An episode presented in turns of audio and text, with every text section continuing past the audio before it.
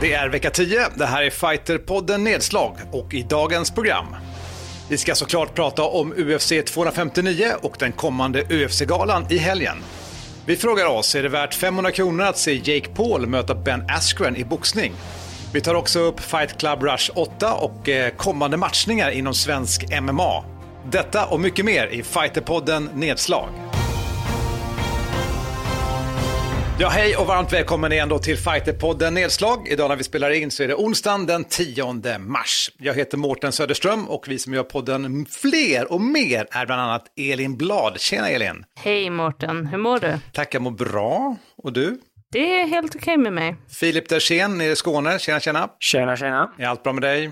Det rullar på som vanligt, så att jag är nöjd. Och Simon Kölle, hallå där! Yes, tja! Som inte skulle vara med i förra podden, men precis, och så hoppar du ändå in i podden. Jag kan inte hålla mig borta.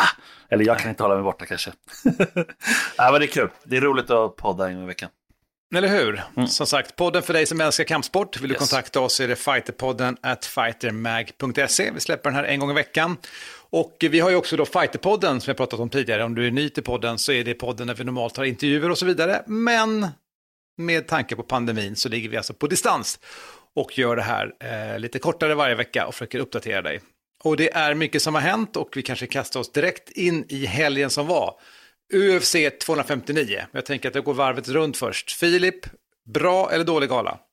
Skulle väl säga att eh, den var bra tyckte jag. Det var bra matcher och även om det inte kanske bjöd på liksom några galna avslut och sådär så gillar jag matcherna. Jag tyckte att det var många punkter som man vill ta upp, inte minst eh, Aljamain Sterling som vi nu kommer att återkomma till och även Jan Blahovic. Så att jag tycker det var en riktigt bra gala faktiskt. Elin, vad säger du? Jag tyckte också om den. Det var väldigt underhållande med undantag från eh, Islams match där. Den, eh, jag, jag ville tycka att den var underhållande. Men det, det, gjorde jag inte. Jag, jag, märkte att jag bara satt och kollade på telefonen medan jag sa att nej men det är bra med grappling och snyggt och det är väldigt metodiskt och så orkade jag inte ens titta. Mm. Simon, vad säger du? Jo men alltså, vilket jävla underkort alltså. Det, jag tyckte det var sjukt bra. Jag älskade underkortet, var riktigt hype och peppad liksom för main card och ja, det var, alltså det var ju, alla matcher betydde ju väldigt mycket men eh, jag, eh, det var ändå en sån här sur not för mig, slutet. Så att, eh, jag Aha. vill gilla hela galan, men jag, jag blev deppig. Jag kan ju, jag tror jag sagt det förut, alltså ibland när det är sådär riktigt stora matcher, sen när de är över så kanske inte de levererar och blir lite sådär, vad fan, man kollar så jävla mycket på det här.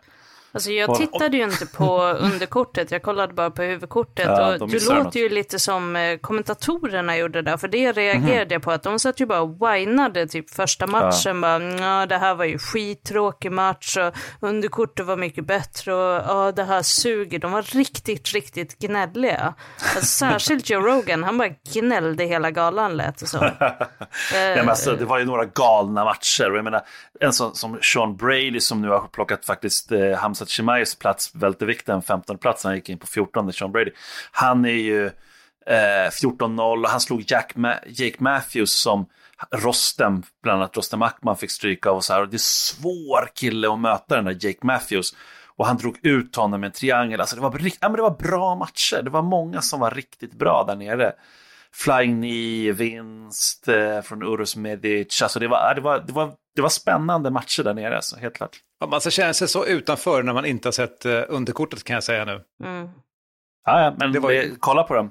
Eh, alltså min claim på fame är ju att jag minns det som att i förra podden att det var jag som sa att eh, jag tror att Adesanya kommer få det väldigt svårt med Blaovic. Applåder? Inga applåder för det? Var det inte alla vi som sa det? Nej, nej, ni trodde ju på uh, Adesanya, så minns jag i varje fall. Jo, jag, alltså, jag har ju fan aldrig haft rätt, jag har ju jo, alltid fel. Du, det var du som nu? sa det, jag, det, det är helt, har jag minnet av också faktiskt Mårten. Så för en gångs skull, alltså du, en gång av 20 så har du haft rätt. du har alltid satsat på den som ingen tror på. Nej, men alltså, men kom också ihåg vad jag sa. Jag sa att det kommer åtminstone vara en upset av de här tre. Och mm. eh, det var ju två då, upsets, eftersom att Aljamain Sterling också eh, vann, vilket jag trodde från början och eh, vann ju rättvist. Eh, eller? Nej, inte kanske. Nej. Nej, men han vann ju spektakulärt. Alltså det var ju ganska spektakulärt. Däremot tycker jag det är töntigt av att så många sagt det var skandal. Nej, det var ingen skandal. Alltså, gör man fel teknik blir man diskad och då förlorar man, punkt slut. Inte så mycket att snacka om. Men jag tror att Filip tycker annorlunda. Filip Men ska vi berätta bara vad som hände? Filip, vill du berätta vad som hände för lyssnarna? Ja, det som händer är ju att eh, i fjärde ronden så gör han en uh, illegal uh, kick helt enkelt, ett ni till och med, ett mm. knä rakt upp mot Aljamain Sterling som har tre punkter i marken, yeah. uh, vilket man då inte får göra, den typen av knä. Och han frågar också, helt sjukt, han uh, rådfrågar sin hörna, liksom, is it okay? Får jag göra det här? Och någon sa väl ja i hörnan och så gjorde han det och så matchen över. Eh, det jag, jag skrev ju direkt efter att han är fruktansvärt oförtjänt eh, världsmästare, ja, Och jag tyckte att eh, hade lite olika liksom, anledningar till det. För det första så tycker jag man såg att Piotr, Jan, han är ju känd för att han brukar öppna lite lugnare liksom, är ju väldigt smart och klipsk fighter. Eh, och i den fjärde ronden tycker jag han tog över helt och hållet. Och inte bara det, jag tycker att Adrian Sterling känns väldigt seg seg i armarna och att han liksom, han hade tagit slut. Jag tror att Peter Jan hade kunnat avsluta honom i antingen rond fyra eller fem. Det kändes så. För Peter Jan är så pass mycket bättre ståendes. Eh, sen tycker jag att det där Vissa säger att en, han borde ha en Oscarsstatyett för sitt skådespel. Nej, nej, och det tycker det jag är lite överdrivet. Men jag tycker ändå att hans, liksom, hans reaktioner, det känns inte helt äkta tycker jag. När han börjar gråta och sådär. Och sen gör han den där intervjun, vilket jag har hört att han var inte tvungen till det. Och sen det där firandet efteråt, då blir jag förbannad alltså. Och det har ju lite med att han då sa innan att han inte skulle fira den här titeln alls. Men sen tar han faktiskt bilder med Henry Cejudo och börjar liksom strö så alltså till, till den matchen att men, det kan man kan göra som näst. Eh, Sejudo som då kan man vill komma tillbaka. Och sen står han då och firar och har bältet runt sig. Han borde bara slängt och liksom låtit sin tränare ha det i Han gjorde det först, slängde det ja, först. han gjorde det först, ja. men så borde han fortsatt ta det för att ja. Piotr Jan, han måste ge en direkt rematch för att eh, jag såg Jan som den tydliga vinnaren i den matchen. Alltså, förmodligen hade ju snubben en ganska rejäl hjärnskakning och då, då tycker jag att kan, folk agerar på väldigt konstiga sätt. Och jag, jag, när jag läste det där om att oh, han borde ha Oscarsstatyett, jag tycker det är fullkomligt skitsnack. Alltså det, den, den smällen, var, det var liksom inte bara illegal, alltså jag hade svårt att titta på reprisen för att det syndes att det här, alltså det, det såg ut som att han försökte avrätta honom. Liksom. Han sitter där nere rakt framför och Peter Jan knä honom rakt i ansiktet och det spelar ingen roll vad hans hörna säger. Alltså han måste vara tillräckligt smart när man är en UFC-kämp för att veta vad som är helt uppenbart illegal. Och jag, jag, köper inte heller att man inte ska kunna vinna en Championship på, på diskvalificering. För det, då, då är det ju extremt lätt att behålla en titel. Det är bara att eyepoka och sparka folk i pungen varenda titelmatch du, som är lite jobbig så kommer du vinna liksom. Jag tycker snarare man borde göra att bältet blir vakant då, att det borde vara regeln att då blir det vakant att de får köra om. Antingen Sam eller någon annan får liksom köra om bältet. Någon, någon bestraffning till den som gjort det. Sen undrar jag, tycker ni att det här ska fortsätta vara olagligt? Till exempel Majdemars tycker att eh, det var liksom löjligt, det ska inte vara olagligt. Och jag tyckte bara en sak jag kände var att Sterling, då när han började bli kontrollerad på sitt eget game, liksom att när han började trippa han och liksom få ner honom, Jan. Eh, då kände jag att han gjorde det här väldigt ofta, att han gick framåt liksom och låg med tre punkter i. Och det är vissa som säger det, ja men det är, UFC ska vara ungefär som en streetfight. Och i en streetfight hade han ju då kunnat avsluta den direkt egentligen. Tycker ni att det fortfarande borde vara olagligt, vad tycker ni? Simon? Uh, alltså det, det, finns flera grejer att säga där, men alltså de, det, det är ju inte illegalt i, i Japan på många galor, så här, då får man ju sparka folk i huvudet och det är ju när de ligger ner eller knäar dem och allting sådär. Och det, alltså problemet är ju att det, det gynnar ju vissa fighters. Så då kan man säga, ja men det är, så är det i verkligheten och jada jada, absolut. Man kan nämligen pinna någon då helt enkelt i north-south och, och sen knäar den i huvudet och så spräcker man upp huvudet liksom. Eh, så det, det, se, det, kan se väldigt, det är liksom också inte så kulturellt det, det, finns en kulturell bakgrund till det liksom i västvärlden. Att sparka på någon som ligger, det är väldigt fult och sådär. Men, men jag tror att rent generellt, rent regelmässigt så tror jag inte att vi kommer se det förändras. Eh, för att det, det blir ganska nasty. Och sen det stora skillnaden, och det är väldigt viktigt som svar till dig där Filip, det är det här att när, det spelar egentligen ingen roll, ja det borde vara överlagligt eller inte, ja men det kan man diskutera fram och tillbaka. Men om det inte, en teknik inte är tillåten, då öppnar man ju inte, då försvarar man heller inte den. för det. För Aljamain Sterling, om han visste att jag kan få ett knä här och så får han ett knä i huvudet, ja men då får han skylla sig själv. Men nu vet han ju att han är, han är safe där. Han kommer inte få ett knä i huvudet. Så det, det, blir, liksom, det blir lite skevt. Alltså, Vad tycker du? Det, en, en av de här sakerna är ju också hur extremt dåligt det här är för sporten. Mm. Och för liksom MMAns anseende. Alltså det, det, det, behövs ju inget geni för att lista ut att, att, det, att, det, att det är många som kommer bara broadcasta de här bilderna och mm. visa mm. liksom att så här är det det går till. Och det är extremt dåligt och det ja, det, det, finns liksom inget positivt med det och att lämna bältet vakant, det, det tycker jag igen, alltså det, då, då, har man bara liksom en så här easy way out om du som champ är på väg att förlora. Se bara till att bli diskad så får du en ny chans liksom. Mm, det är en bra poäng. Ja, då tänker jag att man kanske borde ha att, att mästaren inte får gå match om bältet på kanske ett år liknande, göra någon sån grej. Att bli vakant till de andra. Men sen tänkte jag, eh, jag tycker att jag hade kunnat säga att regeln liksom förändras, men ett motargument till mig själv är också då att man, om man pratar om det, men i en streetfight är det tillåtet. Men i en streetfight är det inte någon som kommer efter fem minuter och säger nej, ställer upp, Khabib ställer upp, nu får du inte eh, ligga och ground and pound längre, nu är det lite paus. Så ja, men det, är det, är också, ja, men det är en stor poäng och det, där, det där är ju faktiskt det som är liksom från liksom Valetudons tid ja. till nu, att det här är en sport och det är ju faktiskt ganska många matcher där någon har legat till exempel i ett stryp, alltså det är sekunder kvar innan du blir utstrypt och då så är ronden över och kommer upp och så vinner i nästa rond, vilket aldrig hade hänt i verkligheten. Mm. Och det är från, liksom från den positionen som diskussionen om att det här är riktig fighting som street fight, det är det inte längre. Nej, alltså det var ganska länge sedan. Och sen, eh, jag tycker att 12 till sex armbågen då, rakt uppifrån ner, den är ju, den tycker jag man borde, det, det, det är liksom felaktigt beslut från början för de såg på karate, eh, karateka som kunde ta sönder is och block och allt möjligt. Men det här är helt sjukt, tänk om man får en sån där i huvudet. Ja, det, det, är löjligt liksom. Att John Jones då har en diskning, jag menar det, han har ju faktiskt en, det, det är så här, ja men kom igen, det, det var ingen förlust, han, han krossade i den matchen och sen så råkade han lägga en armbåge fel. Det är, det är en sak, men, men sen är det ganska, det är ganska många tekniker som ändå är förbjudna. Ju. Det, är en hel, det är en hel uppsjö, allt från petningar och eh, skallning till exempel. Det var ganska nasty med skallningar en gång i tiden. Nu fastnar vi länge här på den matchen, mm, för det här det är, är ju den som är galans upset, alltså Peter Jan mot eh, Al-Jamain Sterling som då helt enkelt har bältet nu.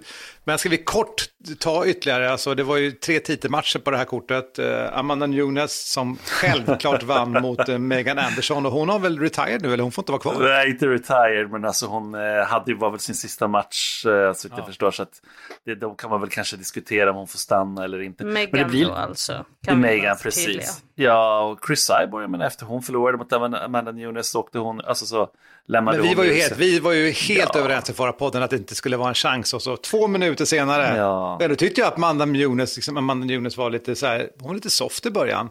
Och sen var det, han fick några sparkar på sig, nej nu räcker det. Ja. Det tog två minuter att strypa ut henne, tack. Det är, ja, det är typ ja, Valentina det som kan ge en match. Otroligt snyggt utfört ja. också. Ja, verkligen. By the book. Ja. det är en, det är ja, en boss i ett dataspel alltså, Amanda Nunes. Riktigt så Final boss. Ja, verkligen final boss liksom. Mm. Ja, och sen såklart var det ju då light heavyweight där mm. eh, Adesanya hade gått upp en eh, viktklass. Och Göte möter då Jan Blauwitz. Och ja. jag tyckte Blauwitz gjorde en jättebra match. Ja. Verkligen. Jo, men det är ju så här. Det är så roligt det han sa efteråt också. Ja, men jag, till slut tog jag ner dem och ni vet, jag är dålig på backen. Och det är han också. Så här. Han till och med erkänner det, Blaovic, han är rätt skön liksom. Men, men folk var så förvånade att Israel Adesanya inte gjorde mer och jada, jada, jada. Men titta på, han har ju en del sådana där matcher, Joel Romero, alltså det, det finns flera sådana matcher där han håller på sådär. Han har sån jävla stor respekt för motståndaren, vilket mm. man kan förstå. Alltså jag menar mm. det är så.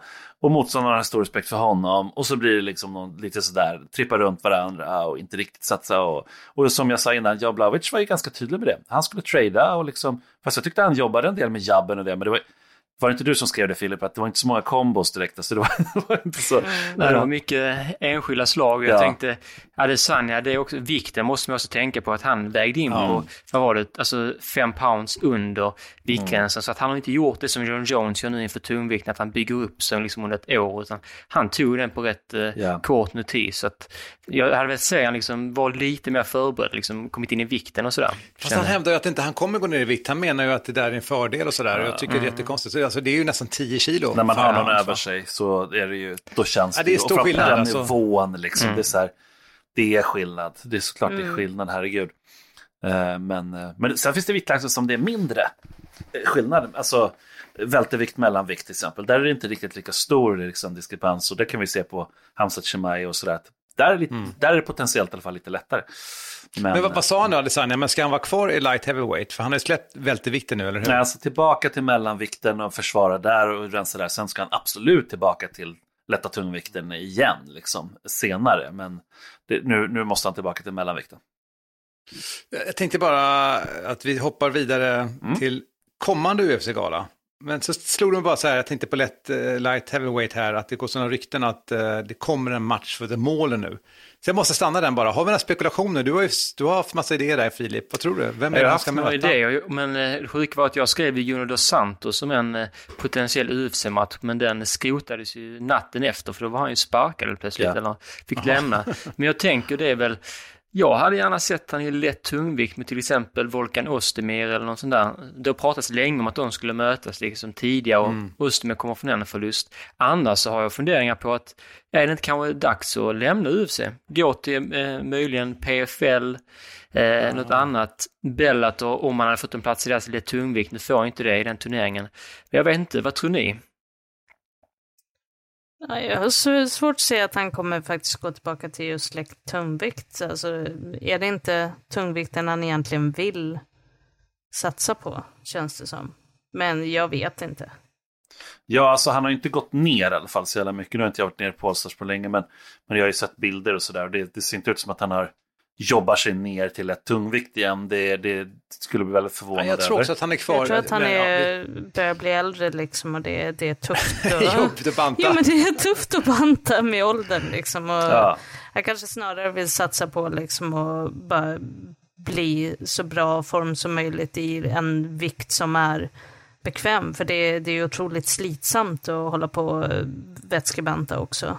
Ja, men det är en bra fråga Filip. Och som sagt, eh, vi spekulerar bara här. Jag, jag, tror ju att han kommer vara i tungvikt, eh, men frågan är vem han kommer möta. Men jag tyckte det var intressant det du sa Filip, att han kanske också byter organisation, men det handlar väl om pengar såklart. Det är det, han har väl, jag vet inte, är det fyra, fem matcher kvar sånt där på UFC-kontraktet? Det är nog en del tror jag. Tre, ja, det är ju ja. det. Och jag menar, allt det här blev ju, det har kommit upp det här eh, snacket eftersom att han fortfarande tränar och han liksom, det finns inga tecken på att han kommer liksom dra ner på det. Någonting, så att det är rimligt att han får en match snart. Sen så mm. borde det bli tungvikten och det. Man kan väl hoppas att det blir någon som eh, stå, alltså stå. Det finns ganska många stående fighters där uppe i tungvikten så att eh, det, det, ja, att det inte blir John Jones liksom.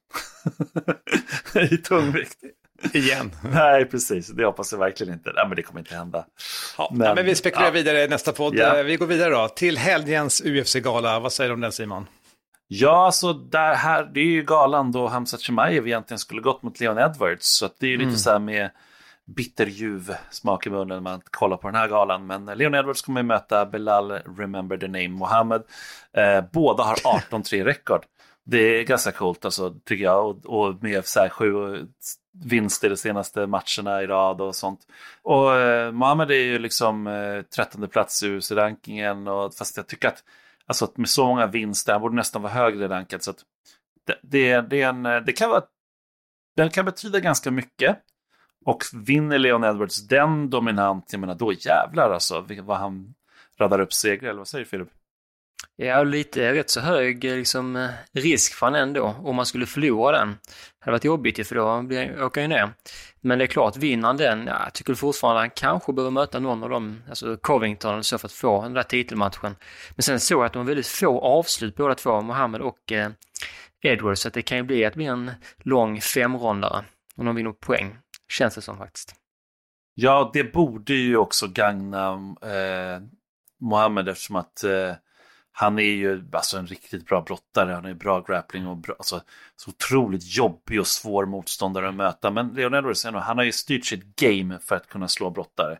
Så att det är därför han inte är rädd för att möta Hamza Chimaev heller. Liksom, det är det han har tränat för liksom, på väldigt lång tid. Så att, men eh, ja, alltså att ha slagit Rafael dos Anjos, Gunnar Nelson, Donald Cerrone, Peter Sabotta. Alltså det, det, är inga dåliga namn han har slagit i rad nu, alltså Leon Edwards. Så att, men eh, ja, vi får se.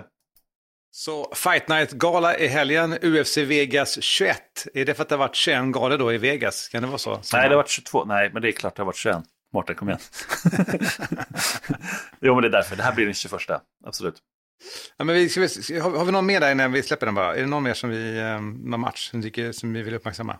Alltså det är ganska många så här mellanfighters, alltså det, det, är en del bra, riktigt bra Danny EJ och men Misha Sirkunov mot Ryan Spann, det är en bra eh, så lätt tungvikt match. Eh, sådär, men alltså att det, det, ibland är sådana här galor också skitbra faktiskt. För att det, det är många som slåss som, som kanske ibland är lite ojämna.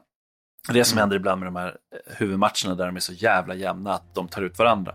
Så att vi kommer säkerligen få se en hel del eh, avslut och massa roligheter i den här i helgen. Så att kolla ändå, säger jag. Då kollar vi på UFC Fight Night i helgen.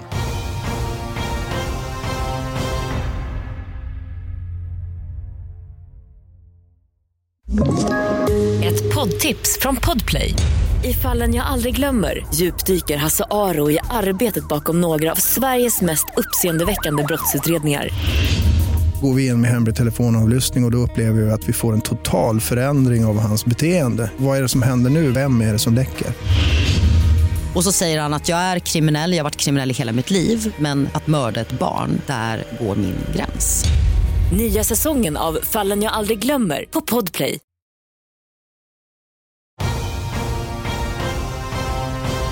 Nu blir det boxning i Fighterpodden Nedslag. Vi frågar oss om det är värt 500 kronor att se Jake Paul boxas mot Ben Askren.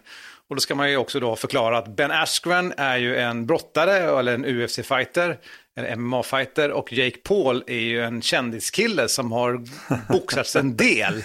Eh, vad ska man säga, snarare något YouTube-fenomen. Eh, ja. Vad är det här för någonting, Filip? Ja, det är ju ett jippo, det är det ju såklart. Ben Askren är rätt så, en social varelse och rätt rolig utanför liksom oktogonen. Så att det är väl därför det blir just han som möter eh, Paul, men också tänker jag att eh, han är så fruktansvärt dålig boxare, Ben Askren, så att eh, den här eh, Paul-brodern tänker väl att han eh, tar väl den sämsta de hade i UFC tidigare, eller vad säger du Simon? Ja, nej men alltså typ. Men det, det är lite fler, det är fler matcher på, på eh, galan såklart än den där matchen. Det ska vi ändå säga. Frank Mir, gamla UFC-champion som mm. är lite seg senaste åren. Om man säger så. Han har alltid varit seg. Han ska ju göra boxningsdebut också nu, så han kommer ju gå boxningsmatch och möta Antonio Magic Man Tarver som en gång i tiden faktiskt var en riktigt bra boxare. 31-6-1 i rekord med 22 knockouter. Men Tarver är en gammal, eh, gammal, inte gammal man, men gammal för att vara en idrottsman. Liksom. Han är 53 år gammal och så ska han möta liksom, eh, Frank Mir. Alltså det är lite sådär, alltså vad fan, kom igen. 500 spänn, eller 49,99 dollar så ingen rättar oss nu då. Det är det, det blir väl nästan 500 i alla fall. Kommer du betala Elin? inte Elin en chans. Kommer Men hon får gärna betala mig för att se den. det... Nej, Men vad är det här att de går över till boxningen? Är det för att det är bättre betalt eller vad är, vad är grejen?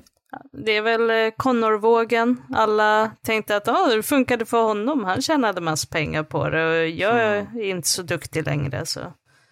Det är ofta så i boxning att eh, i UFC det kan vara 14 matcher på en gala. Då får alla de ändå bra betalt, helt okej betalt. I boxning är ju ofta förmatcherna, de får ju jättelite betalt och sen så får ja. de de två kanske största matcherna, ja, 95 procent av allt de tjänar in.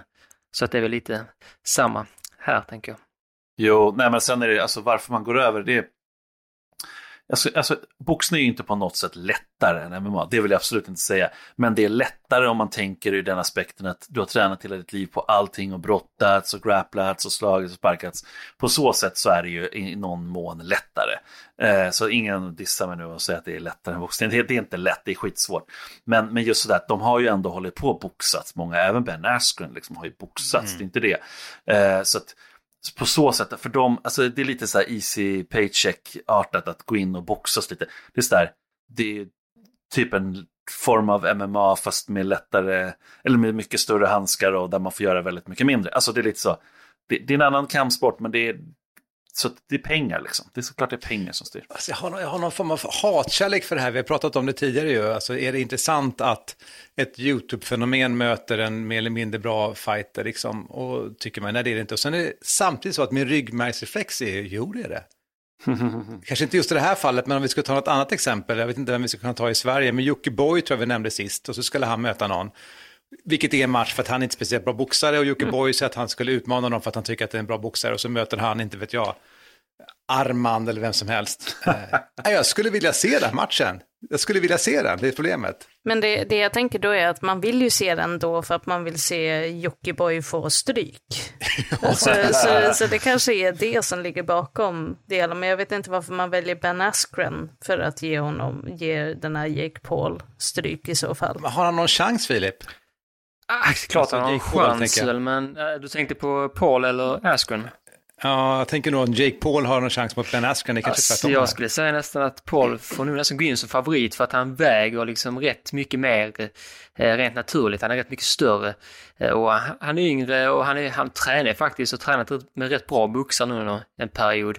Men jag tänker också, det här är dock, jag dock gillar att se för att det är något jag ofta pratar med kompisar om. Ja men Ben Askren, om han hade boxats mot liksom den här killen på vår lokala boxningsklubb, hade han förlorat? Alltså sådana saker vi ofta pratar om, mm. och även storlek, hur mycket av storlek spelar roll och sådär. Så det här kommer att ge lite alltså indikationer på är Ben Ashton verkligen dålig boxare eller är det bara att han är dålig i UFC på boxning? Alltså om man jämför med UFC-fighters. Man får lite fingervisning ja, men det, det ligger någonting i det. Du vet, alltså, som sagt, vi har pratat mycket om Conor McGregor-matchen och sen är det sjuka pengar som fanns i den. Men eh, alltså, vi pratar ju så mycket om den så att jag, vi har ju snackat om det här tidigare, för jag kan ju ingenting om boxning, men jag har ändå varit så här, ja men han kanske har en chans mot Mayweather. Du vet, alltså hur, hur hamnar jag ens där mentalt? Hur kan jag ens tro att Conor McGregor och när matchen, men det var för att det var sån hype kring då, att han hade sån enormt självförtroende. Och så var ju matchen, och alltså, han var ju ingen dålig boxare, eh, liksom McGregor, men det, vad fan, Floyd Mayweather har 49-0. Liksom, vad fan, alltså om, han hade, om Conor McGregor hade vunnit den matchen, det hade ju varit helt osannolikt liksom. Mm.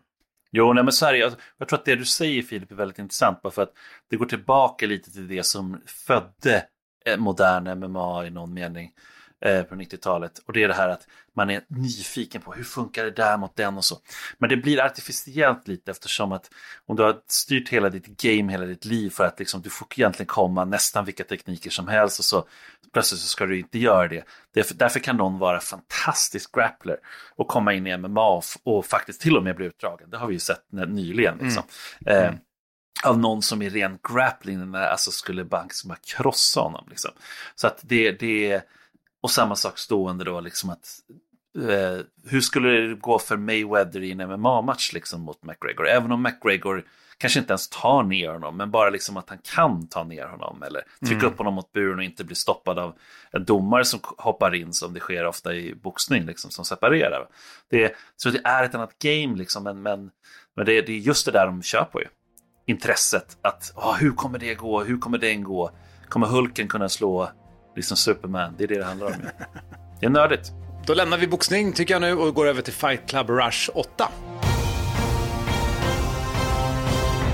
Nu ska jag säga som det är. Jag har inte sett Fight Club Rush 8, men det vet jag att ni har gjort. Och det var flera matcher som var intressanta, eller hur Filip? Ja, det var bra matcher och sådär, men jag kan också säga det att jag såg det absolut inte live. Eh, för att jag var, satt var rätt förbannad då de skulle dra igång 16.00 eh, var det ju på eh, Youtube, deras mm. eh, undermatch, eh, underkort.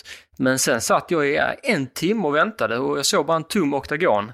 Så att eh, jag eh, blev faktiskt lite förbannad och eh, gjorde annat. Men sen såg jag då faktiskt förmatchen senare, Haidar Pasic, han jag pratade om förra veckan, han som är SM-mästare i tungviktsboxning. Han gick över till MMA ja, utan knappt någon erfarenhet i just en matträning. Och han vann faktiskt på eh, knockout i andra ronden, fast hans ben var ju duktigt söndersparkade eh, efter rond 1. Såg ni den matchen? Jag såg den matchen, närmare Haida Pasic, han alltså mötte ju han vann inte på knockout, han vann på TKO, det är viktigt. Ja, alltså, okay, TKO, ja. ja. Eh, men, men alltså Salif David Diop mötte han ju som är 40 år eller något sånt 40-41 år. gjorde debut i proffs-MMA.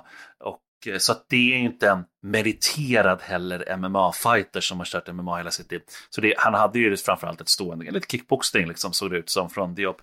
Eh, men eh, ja, så jag vet, jag tar inte så mycket med därifrån, men det var, det var tufft att han vann Nermin där, helt klart. Men såg han ut som en boxare eller en MMA-fighter? Såg ut som en boxare som kör MMA, alltså det är lite så här, som inte checkar sparkar, alltså det är lite så, det är så som det ofta ser ut. Alltså det som, det som boxare ibland, och även thaiboxare, inte minst, gör fel i MMA, det är att de står alldeles för upprätt. De är så mm. vana med det, att stå så jävla upprätt. Du behöver böja på dig, du behöver komma ner betydligt mycket mer i MMA än vad du behöver göra liksom i... Sen kan du ju absolut sitta ner och slå, om man säger så, i citationstecken sitta ner, böja sig ner när du slår. Men, men annars liksom att det är väldigt mycket stående. Och det ser vi ju ofta i thaiboxare. Eh, typ sådana som Sadibou Sy, jag menar det är Eh, kom ihåg, jag menar, då kommenterade jag galorna tillsammans med Omar som ändå är hans tränare till och med. Och Omar sa det också, visst var han bättre nu, visst var han bättre nu, visst böjer han, kommer han ner lite mer? Ja, Johan kom ner mer nu. För med det är liksom, man får trycka ner de här fighterserna. Mm. Det är så i MMA, du behöver liksom ha ett, eh, en flexibilitet upp och ner liksom i, som du inte behöver i boxning. Varför ska du hålla på och böja ner i sevan, eller hur mm. Filip? De... Ja, väldigt ja. tunga och det såg man när han mm. tog emot sparken också att det var mm. inte särskilt bra. Om du skulle summera Fight Club Rush 8, Simon, vad säger du om galan då? Ja, nej, men alltså då, det säger jag ändå att det, det var ju många nya fighters framförallt. Alltså så här, debuterande fighters och sånt. Christian Stigenberg bland annat mot Alexander Lindgren. Det är så här, fortsätter de här matcherna mellan Gävle och Västerås. Det är lite kul att de har rivalitet där. Eh, Christian Stigenberg vann på och där, så det var lite kul Eh, att se såklart. Och sen eh, eh Felipe Lima som, eh, alltså han börjar få riktigt bra rekord nu. Eh, slog Fernando Flores och Fernando Flores går, ut, går då till 8-8 i rekord. Så att, men Fernando är liksom bra fighter fortfarande och så jävla likable så han fortsätter liksom headlina. Och sen det stora för, för galan helt klart eh, rent framtidsmässigt. Det var ju förstås att Josefin Lindgren Knutsson besegrade den här ganska svåra italienska fighten alltså genom att bara, alltså, vinna alla ronder väldigt dominant. Hon fick 30 24, 30, 24, 30, 25 i, dom, i poäng. Så att det Men, säger en och del. Hur tycker du, om du skulle bara bedöma hennes fighting, alltså hon kommer ju från thaiboxning, hur, hur, hur såg hon ut tycker du? Man kan, man kan hävda att hon borde kunna avsluta en sån som Adriana, absolut. Men jag tycker att det var en fjäder i hatten till Josefin Lindgren Knutsson. Hon är bra, hon är svår och hon adderar så klart hela tiden och hon är på ett bra gym, liksom Allstars, att nedtagningsförsvar och sådär. Så att Josefin Lindgren Knutsson kan gå långt. Sen får vi se när hon möter någon riktigt svår brottare som mm. verkligen bara kommer gå ner. Men det kan vara så att en stjärna är på väg att födas där inom MMA, svensk MMA, helt klart. Jag ser ett annat namn jag tänkte trycka fram lite. Det är faktiskt Nasrutinov. Han eh, är en ung fighter Grym. och eh, vann ju ja, tidigt och ser ut som en erfaren liksom, fighter i sin proffsdebut. Så att eh, han mm. tror jag kan bli riktigt, riktigt bra. Ja, han är grym. Alltså han är riktigt bra. Och med, med den uppbackningen också, Hamsat och sån här. Det är ja, ruskigt, ruskigt. Kul. Den här galan låg ju nu på UFC Fight Pass. Mm. Jag är nyfiken på hur många som såg den. Hur många Svårt svenskar som har det? De går inte ut med siffror, men den var vet. inte helt lätt att hitta. Och jag menar, jag fick typ så här, det gick inte att bara hitta den hur som helst, man fick liksom söka efter någonting. Det gör att kanske en eh, random person i typ Ungern eller någonting inte kommer bara hitta, ta vilket land som helst, kanske inte kommer kolla på den då om man inte har någon anledning till det, så följer de specifik fighter. Men, eh, men sen, den rullar på repris där och så, så att det kommer vara en del folk som kommer titta och sådär. Och jag menar, mm. gör de bra ifrån sig, jag tycker det är helt rätt ändå. Det, det, det är ett kul steg att gå dit. Eh, sådär, så att, så det, det, det är fortfarande spännande. Det kan leda någonstans. Man kan ibland också bygga upp någonting och sen mm. så gå andra, en annan väg eller gå ut sådär. Cage Warriors, de kör ju bra där så att det, det, går, ju, det går ju uppenbarligen. Okej, vi lämnar Fight Club Rush 8. Vi ska strax avsluta dagens podd, men eh, hur ser det ut framåt här med svensk MMA, Simon? Alltså det, det radas upp matcher nu och det är roligt tycker jag. Anton Turkar kommer gå i, i Brave och där kommer även eh, Svanemir Kralj gå. Eh, I Bahrain då, så första april kommer Anton gå och det är liksom, jag menar han har 6-0 nu rekord och han eh, alltså, han är bra. så han kommer möta en tuff vitryss, Vadim Litvin, 4-2 i rekord, så att det inte världens kanske bästa rekord, men han har nyligen förlorat mot en fighter som heter Mutasa Tala Ali som eh, 2-0 som eh, proffs. Och det är faktiskt en fighter som har slagit eh, Anton Turkay i, i eh, amatör. Så mm -hmm. att det är mhm. lite sådär, slår Anton den här killen nu, vitryssen, då kanske han får en rematch mot Mutasa Tala Ali. Det, det är en rimlig väg framåt för honom, men 7-0 liksom, vinner han den? Spännande. Svonemir, han är ju också bra. Han gick ju tre matcher förra året i Brave, två stycken där på sommaren och sen så torskade han ju den sist då på TKO i november. Där var han ändå med i den matchen. Så att han kommer möta The Black Hulk, eh, en, eller inte Todd Stout, eh, 11-6 record från Kanada som eh, går sin fjärde match i Brave och vunnit tre av de matcherna. Så att, eh, ja, sju avslut har han på knockout eller TKO, så det är absolut en tuff fighters, fighter helt klart. Så kommer vi också ha eh, Bernardo The Lion King Sopai 8-1 apropå eh, stjärnfighters som är på väg upp. Han är albansk fighter faktiskt, men han tränar på Allstars och det, är så här, han är 20 år och möter en riktigt grym eh, snubbe som heter Berserker. Det är väl Berserk-gym tränar väl du på Elin, så det är väl, han, jag tror inte han tillhör dem däremot, bara för att han är... Nej, det tror jag definitivt inte. Berserker. Ja, precis, som heter Francesco Nuzzi, som han kommer möta som eh, också har jättebra record. Så det är så här, wow, den, den är grym, det kommer vara en riktigt bra match. Sen har Tobias Harrila också fått match. Nu raddar jag upp matcherna här bara lite grann för att göra det snabbt. Mm. Och det är ju eh, i Cage Warriors. Mm. Så att han kommer möta, och det är nu, han kommer gå match då 20 mars. Och det är så kul, vi har ju sagt det förut, de kommer ju ha gala 18 mars, 19 mars, 20 mars, mars eh, och tre, tre dagar i rad. Och på andra dagen, då, då, på fredagen, då kommer Rostem Akman gå, det har vi redan sagt förut, då är det en semifinal i deras välterviktsturnering. Och eh, sådär, så det är roligt att de glider upp och liksom är med och, och testar något nytt. Alltså Ian Dean tycker jag vi ska ha med i podden sen helt klart som är deras Absolut. Eh, matchmaker. Och han är en rolig kille som älskar det här gamet verkligen. Så att, eh, och han testar nya grejer och tänk, alltså som Brave gjorde där på sommaren i Sverige. Och så här, det är roligt när det händer någonting som sticker ut lite tycker jag. Eh, utöver det så är det väl de matcherna som är framförallt, jag vet inte, har, du, har du någon mer match eh, Filip som du tänker på? Nej, det är de framförallt. Så Sadibu Si fick ju sin eh, ja. match också i april väl, eller någonstans där. Precis. Så att det är, ja, det är fullspäckat. Mm. Ja men verkligen, och sen så lite små grejer då kan jag nämna, det är ju att eh, Jiggit, Anthony Jiggit, fortfarande är kvar i Elitstyrkans hemligheter. Det, det är såp, såp, det är inga såpa riktigt så, men det är liksom en tuff utmaning. Reality-serie. Det, det, är reality-serie, precis. Eh, och sådär, och han får ju verkligen, han har sagt att det var det värsta han varit med om, liksom så här, jag förstår det, för det är verkligen hemskt, jag kollar varje söndag. Eh, så den är tuff, och sen har ju Cobra Kai kanske inte är världens bästa serie, det är en ganska dålig serie. Men den har jävligt många tittare och, det, och det, det, får folk att hålla på med kampsport.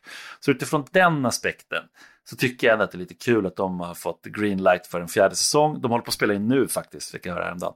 Mm. Eh, och eh, de har också skrivit en storyline, fick jag också höra internt, eh, ända fram till säsong 6 som de har fått gul eller som gult ljus på. Så att de, det, är nog, det kommer nog bli åtminstone sex säsonger. Jag vet inte, vad säger du Martin? Sex säsonger Cobra Kai? Alltså jag, men jag har ju fått lära mig att jag inte förstått den, för jag kollade ju några avsnitt och tänkte vad fan är det här? Fan är det, är, det är så dåligt. Och sen fick jag förklarat från Simon att men du förstår ju inte att det där är faktiskt ganska bra. För att det ska vara lite cheesy, hela, hela Jag vet inte om det är så jävla bra, det kan jag inte säga, men absolut men det ska vara cheesy. Ja, men du sa ju det, att liksom det är grejen, och när jag tittar på det med de ögonen så blev det lite kul. Ja. Alltså, jag, är jätte, jag, jag, jag tycker ju om Star Trek, så jag ska ju bara vara tyst, jag ska ju vara helt tyst i det här sammanhanget. Elin, kollar du på Cobra Kai? Jag gör faktiskt inte det. Det uh, jag har inte känt mig sugen helt enkelt. Känns som att det funnits annan tv att titta på. Det finns ganska mycket annan tv. Filip, Filip, vad säger du? Sett varenda avsnitt, så den senaste säsongen på två dagar. Men, alltså, det är bra. Så det är ändå ett fan, fan absolut. Ja. Men jag verkligen. måste bara säga en grej som, alltså, och, och vända den grejen till dig Filip. Alltså, 50 år sedan nu häromdagen, världens största boxningsmatch genom tiderna, Joe Fraziers första möte mot Muhammad Ali. Alltså, vad, vad, är, för det här var ju, det blev en ganska stor nyhet i, liksom, i, i liksom mainstream media i världen där man mindes den här matchen. Så vad betydde den matchen bara jävligt kort och eh, var liksom, de möttes ju tre gånger, eller hur? Sen, totalt.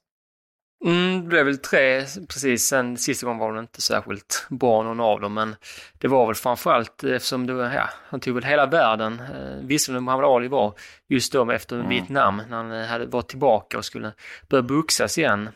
Och eh, för grejen var också att när han väl förlorade bältet här mot Joe Frazier, sen fick han ju, alltså jag tror det tog sju år tills han återtog det.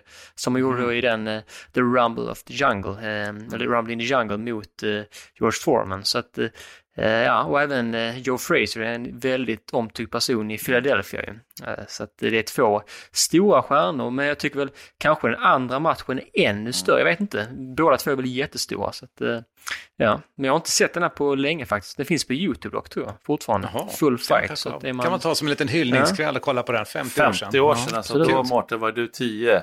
Eh, nej, jag menar... det är så... Fy fan, vet du, de här klavertrampen som gör att jag överväger ibland den här podden. Och därmed ja. tänker jag att det är dags att knyta Fighterpodden nedslag. Tackar tack, Simon tack. Kölle. Tack så du för att du är rolig. Elin Blad, tack för idag. Tack så mycket Mårten. Och Filip Dersén, tack för idag. Tack så mycket. Och som sagt, vill du höra av dig, det är att skicka ett mejl, fighterpodden at fightermag.se. Och jag heter då alltså Mårten Söderström. Tack för idag. Vi säger... Wuss! Fighterpodden produceras av Suba Media för Radio Play. Ett poddtips från Podplay. I fallen jag aldrig glömmer djupdyker Hasse Aro i arbetet bakom några av Sveriges mest uppseendeväckande brottsutredningar. Går vi in med hemlig telefonavlyssning och, och då upplever vi att vi får en total förändring av hans beteende. Vad är det som händer nu? Vem är det som läcker? Och så säger han att jag är kriminell, jag har varit kriminell i hela mitt liv men att mörda ett barn, där går min gräns. Nya säsongen av Fallen jag aldrig glömmer på Podplay.